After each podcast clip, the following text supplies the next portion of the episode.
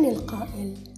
فما أطال النوم عمرا ولا قصر في الأعمار طول السهر. هل هو أحمد شوقي أم عمر الخيام أم محمد الماغوط؟ ستجدون الإجابة في ثنايا هذه الحلقة. وللذين وصلوا إلى الإجابة الصحيحة سيصلهم على الماسنجر تلخيص لكتاب رخصة القيادة التربوية.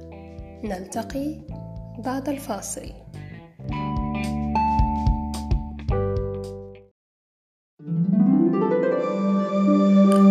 بودكاست إيجاز عشرين عشرين. معكم أنا حليمة عبد القادر بلوفة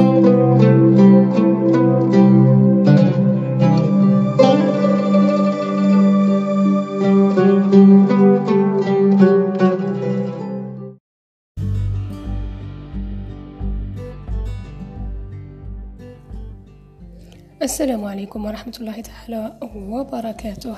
أحبابي في الله مرحبا بكم في الحلقة رقم خمسة من برنامجنا إيجاز عشرين عشرين. كما راكم عارفين بأننا خصصنا هذه الحلقة المزعجات ما قبل النوم وكيف يمكن نتعامل مع الأطفال في هذه الفترة. باش نكونوا آه، في الصورة أنا آه، ارتأيت باش نقسم هذه الحلقة إلى جزئين. الجزء الأول فيه معلومات عامة على النوم واللي شفت أننا من الضرورة أننا نعرفوها. والجزء الثاني نكمل فيه في مزعجات ما قبل النوم ونعرفوا كيفاش نتصرفوا مع أولادنا في هذه الفترة من اليوم. مرحبا بكم.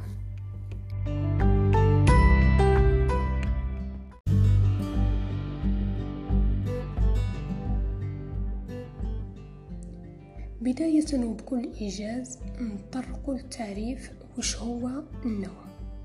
النوم هو حالة طبيعية تصيب جميع الكائنات الحية.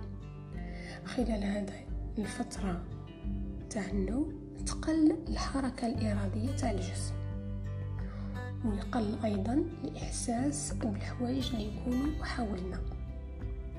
النوم ماشي هو فقدان للوعي النوم هو تغيير الحالة نتاع الوعي الهدف منه تنظيم نشاط الدماغ وأيضا النشاطات الحيوية الأخرى. باش نتعرفوا على أهمية النوم خاصنا نعرفوا واحد الهرمون مهم يفرزه الجسم. اسمه هرمون النوم ولا هرمون السعادة. علميا يطلقوا عليه اسم الميلاتونين. هذا الهرمون تنتجه واحد الغدة اسمها الغدة الصنوبرية. على سمعوها هكذا أختار شكل هذا كي حبة صنوبر. ويقتصر إنتاج هذا الهرمون فقط على الفترة الليلية اللي يكون الإنسان متعرض فيها للظلام. وبالعكس كل ما تعرض للضوء كل ما قل إنتاج هذا الهرمون. هذا الهرمون عنده أهمية كبيرة. خاطرش هو اللي ينظم لنا الساعة البيولوجية اللي في جسمنا. الساعة البيولوجية اللي تخلينا نرقدو ونفيقو في أوقات محددة بلا ما نستعملو الساعة ولا المنبه. يعتبر هو أيضا مضاد للأكسدة يمنع ارتفاع ضغط الدم يقلل من النوبات القلبية يقلل من آه، خطر الإصابة بالسرطان ويهدئ الأعصاب يقلل أيضا من احتمال الإصابة بالزهايمر. ويقي من الكثير من الأمراض العضوية والنفسية. كيفاش الجسم تاعنا يحصل على الميلاتونين واللي هو هرمون النوم؟ يحصل عليه بثلاث طرق مختلفة.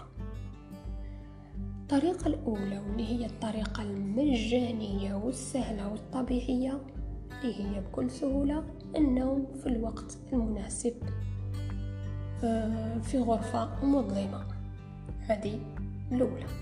الثانية كاين بعض الأغذية محفزة للغدة الصنوبرية باش تنتج هذا الهرمون. مثل الكاكاو البنان الشوكولا السوداء الطماطم الزنجبيل الشوفان الذرة الأرز الشعير وأغذية أخرى كلها تحفز هذه الغدة باش تنتج هذا الهرمون. وكاين الطريق الثالث اللي يخلينا نحصلوا على هذا الهرمون اللي هو عن طريق الأدوية. كاين بعض الأدوية المضادة للأرق. بصح ما ننصحوش بها لخاطرش عندها عواقب آه على الصحة نتاعنا. خاصة أننا إلا بدينا ناكل الميثالونين على شكل أدوية هذا يخلي هاد الغدة تولي خاملة وما تبداش تنتج لخاطرش راه كاين في الجسم.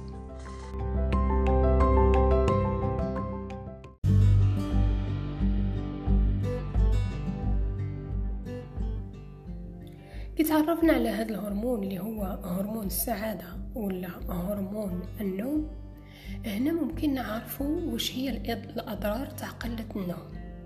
إذا تكلمنا على شخص شخص بالغ إحنا نتكلموا على النوم أقل من ست ساعات في 24 ساعة صنفت منظمة الصحة العالمية القلة تاع الرقاد عند العالم المتحضر ولا العالم الصناعي على أنه وباء علاش وباء؟ لخطرش لقاته هو السبب في عدة أمراض أخرى من بينها ضعف الجهاز المناعي زيادة احتمال الإصابة بعدة أمراض آه كما ارتفاع ضغط الدم السكري الزهايمر القلق والاكتئاب والميول الانتحارية. زيادة الرغبة في الأكل هذه ممكن نشوفوها عادة كي يكون عندنا سهرة ولا هالقهوة هالكاوكاو هالقاطو هال تلقى روحك ما دام راك سهران وأنت تاكل لأن لماذا لخطرش الهرمون تاع النوم راه يتفرز بكميات ضئيلة وهذا اللي يحفز الجسم على أنه يطلب المزيد من الطاقة. وباش يطلب المزيد من الطاقة راه يحفز الهرمونات اللي تعطيك آه، شعور بالجوع. ارتفاع معدل حوادث المرور آه، لقاو بلي ان آه، غالبا في البلدان الكبيرة مثلا خاصة في ليلة رأس السنة.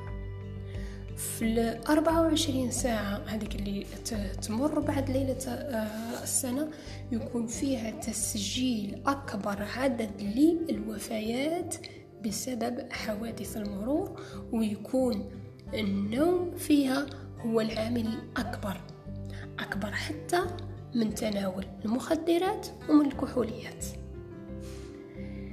إذا هو هو عامل أيضا في التسبب في ارتفاع حالات الإصابة بالسرطان. عافانا وإياكم الله من كل هذه الأمراض. نوم أكثر صحة أكثر. لكن لا أقول أكثر أي أكثر من المطلوب. نشوف الآن فوائد النوم المتوازن وبالمقدار الكافي.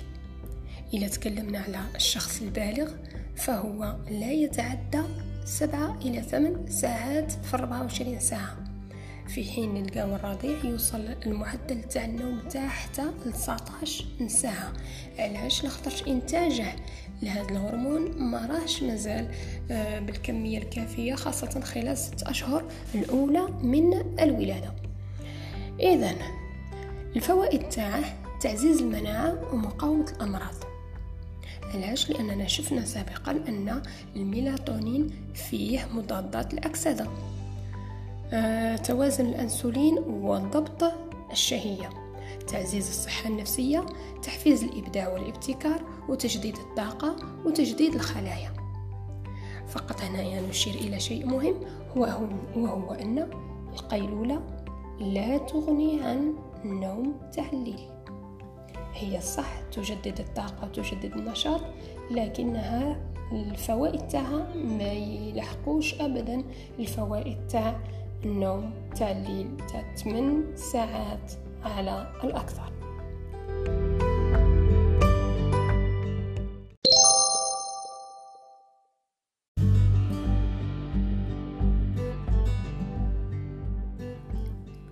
نوصل الآن لبعض التوصيات لنوم هانئ. إذا ما ينبغي فعله هو الذهاب إلى النوم والاستيقاظ في نفس الموعد كل يوم. كل ما كانت مواعيدك تاع النوم والصحو مضبوطة كل ما كان هذا شيء جيد للصحة نتاعك ثانيا قصر استخدام غرفة النوم على النوم. ماذا بينا؟ المكان اللي ترقدوا فيه يكون يقتصر فقط على الفراش تاعك ورقد يكونش فيه أمور أخرى. التمارين والألعاب النشيطة تكون بعيدة زمنيا عن وقت النوم. تكون إما صباحا ولا بعد الظهر. التعرض للضوء الصباحي بانتظام والحفاظ على درجة حرارة معتدلة تميل إلى البرودة في غرفة النوم. استخدام ستائر معتمة ظلمة أو غطاء للعينين. أخذ قيلولة قصيرة أثناء النهار إذا كان ممكنا. أيضا خفض شدة الإضاءة قدر الإمكان قبل النوم بساعة أو اثنين. كاين بعض الأضواء اللي هي أضواء خافتة خاصة إذا كانت هذه الأضواء هي ضوء أحمر يميل إلى البرتقالي. هذا الضوء يحفز هرمون النوم ويخليك تحس بالرغبة في النوم خلال هذه الفترة. القيام بأمور تدعو للاسترخاء قبل الذهاب للفراش. كما واش عدم التحدث بصوت عال. ماذا بكل ما؟ فات المغرب نقص شوية من الحس تاعنا آه الاستحمام بماء دافئ تمارين التأمل والاسترخاء. وتناول مشروب دافئ خالي من الكافيين. وهنا الأفضل يكون عبارة عن كأس من الحليب دافئ.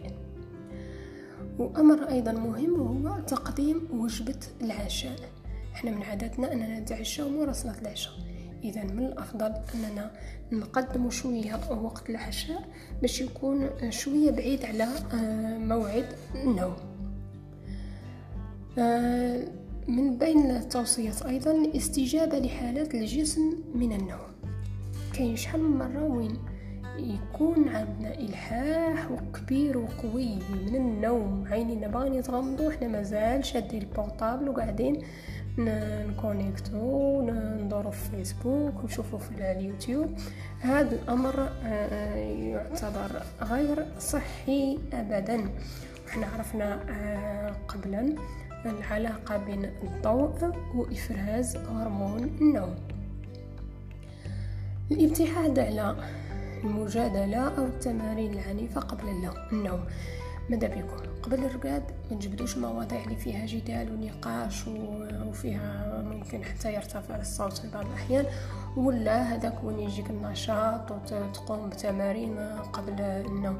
ماذا بكم كل ما قرب موعد تاع النوم كل ما راكو تميلوا للهدوء والاسترخاء. أيضا التوتر بشأن عدم القدرة على النوم. كاين اللي غي يقرب الرقاد نقول خلاص دوك ما يجينيش الناس دوك نبدا نقعد فايق مجرد التفكير بهذه الطريقة يخلي النوم يهرب من عينيك. إذا أنت أصلا ما تفكرش راك تقوم بأعمالك آه، قوم ببعض التمارين تاع الاسترخاء وخلد إلى النوم. ما تفكرش في حاجة قبل ما تجي. آه، عدم الاعتماد على العقاقير الموصوفة للأرق. كاين بعض العقاقير اللي ممكن يوصفها الطبيب للأرق لكن ما نعتمدوش عليها طول حياتنا أنها تبقى آه، دائما خاصني نشرب هذا العقار ولا هذا الوصفة اللي تتجدد الشهر على خوه لا علاش؟ لخاطرش هاد العقاقير هي تتضمن أصلا هاد الهرمون تاع النوم. وإلا بدينا نمدوه بشكل دوري للجسم الغدة الصنوبرية غادي تضمر وما توليش تعطينا لي الصحيح نتاعها. أه وحنا نعرفوا باللي وخاصة علماء البيولوجيا واش يقولوا واحد المثل العضو الذي لا يعمل يضمر حاجة كي ما تخليهاش تخدم في جسم الإنسان تبدأ وحدها وحدها تضمر حتى ما توليش تخدم. إذا ماذا بكم اللي راهم يستعملوا المنومات ولا هاد العقاقير تاع مضادات الأرق؟ يحاولوا آه، بقدر الإمكان يمشوا للأشياء الطبيعية أحسن من أنهم يمشوا لهذا العقاقير.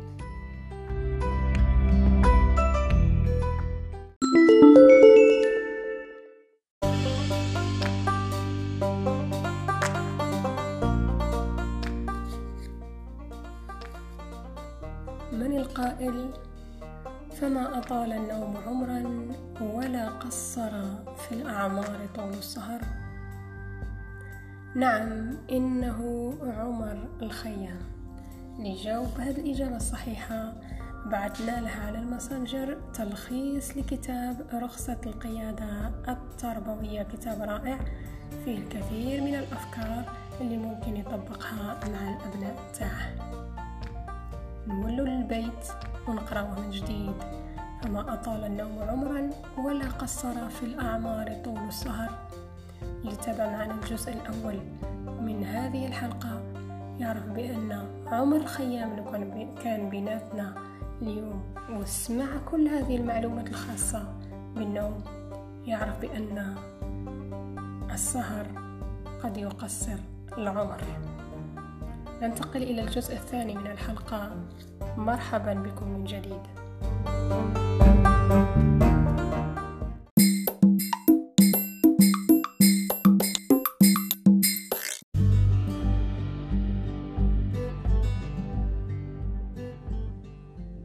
ننتقل للجزء الثاني من حلقتنا اليوم واللي سميناه مزعجات ما قبل النوم.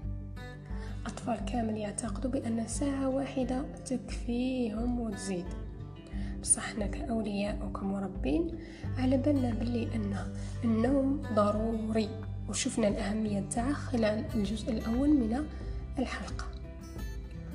وباش الطفل يروح يرقد خاصه يتدرب على هذا الأمر. وباش ندربوه هذا يتطلب عدة نقاط نذكرهم بيناتها الحزم وعدم التساهل في احترام مواعيد النوم. دايرين في البرنامج تاعنا مثلا أننا موعد النوم على التسعة النوم على التسعة يكون موعد مقدس ويحترمه الجميع. البدء بتوقيت أبكر من مواعيد من الموعد المخطط له. مثلا نبقى المثال الأول أننا نرقد على التسعة. معناها من ثمانية وأنا صايرة بديت ندير في المقدمات تاع النوم. أنني نخفض الإضاءة أن الصوت ما يكونش عالي أن تكلمنا على هذه الأمور من قبل. وبصح الأمر الثالث أن الأطفال يكونوا على بالهم بهذه الخطوات تاع روتين ما قبل النوم. يكون على بالهم بلي قاساش نرقدوا على بالهم بلي قبل كل هذه الأمور واش خصنا نديرو. علاش لخاطر حنا شاركنا هاد الأطفال في بناء القوانين تاع الروتين اليومي. معناها الأطفال على بالهم كل هاد الأشياء. الأمر الآخر كل طفل يتأخر في موعد النوم هذا يعرضه بأنه يحرم خلال عطلة نهاية الأسبوع مثلا بأنه ينام أبكر. مثلا في خلال الأسبوع. راه تأخر في يوم من الأيام وبقى حتى التسعة ونص ولا حتى العشرة. هذا النصف ساعة ولا هاد الساعة اللي بقاها ساهر دون مبرر ودون ما يكون هناك آه التزام بالشروط اللي راحنا وضعينها. هذا النصف ساعة ولا هاد الساعة غادي تروح له من السهرة نتاعه اللي كانت مبرمجة في نهاية الأسبوع. أننا نستبدل الصراخ والوعيد. بعبارة أنت تعلم جيدا ما النتيجة. خاطر راه على باله بالقانون واش يقول؟ تقولش تقول له؟ لا ترقد منا وهادي والوقت وغدوة تدخل تمنية لا. عندك عبارة واحدة تقولها له. راك عارف واش هي النتيجة. باش كي درنا القانون درنا القوانين ودرنا النتيجة تاعه إما العقوبات إما الحوافز. الأمر الآخر هو أن الأطفال تاعنا خاصهم يناموا في حالة سعيدة وهادئة.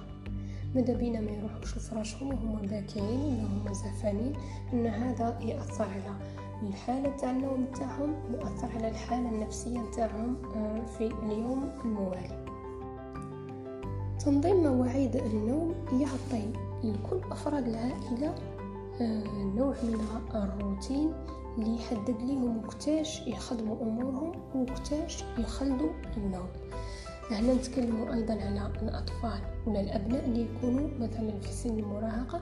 يكفي أنهم يلتزموا آه، بالقوانين حتى إذا ما رقدوش مثلا على التسعة المهم أنهم يوفروا لنا الهدوء والسكينة أثناء هذه الفترة. ممكن الوالدين يتلقاو مشكلة مع الصغار لأنهم ما راهمش واعيين بالوقت. ممكن تخليه يلعب حتى 12 الوحدة الزوج تاع الليل يلعب خاصة إذا لقى محفزات باش يلعب. علاش؟ لاخاطش ما عندهاش إدراك للوقت. هنا آه، يقترحوا بعض المربين أننا نعودوا الطفل على آه، منبه خاص يكون في الفترة اللي قبل النوم حوالي عشر دقائق. مثلا نضبطوا الساعة على التاسعة آه، إلى عشر دقائق.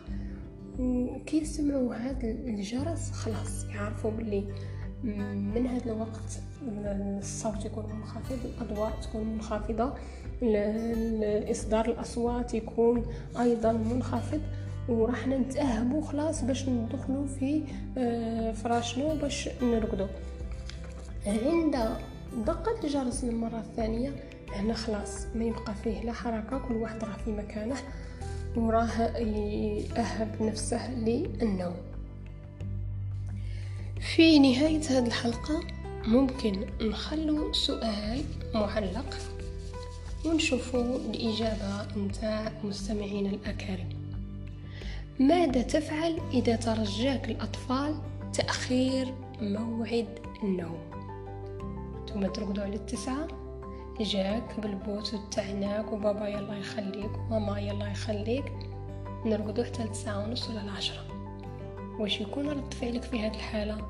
شاركونا بالتعليقات.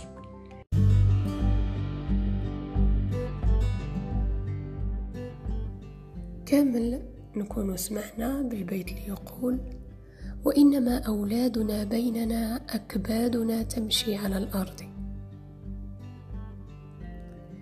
ما رانيش نقول باللي التغيير سهل.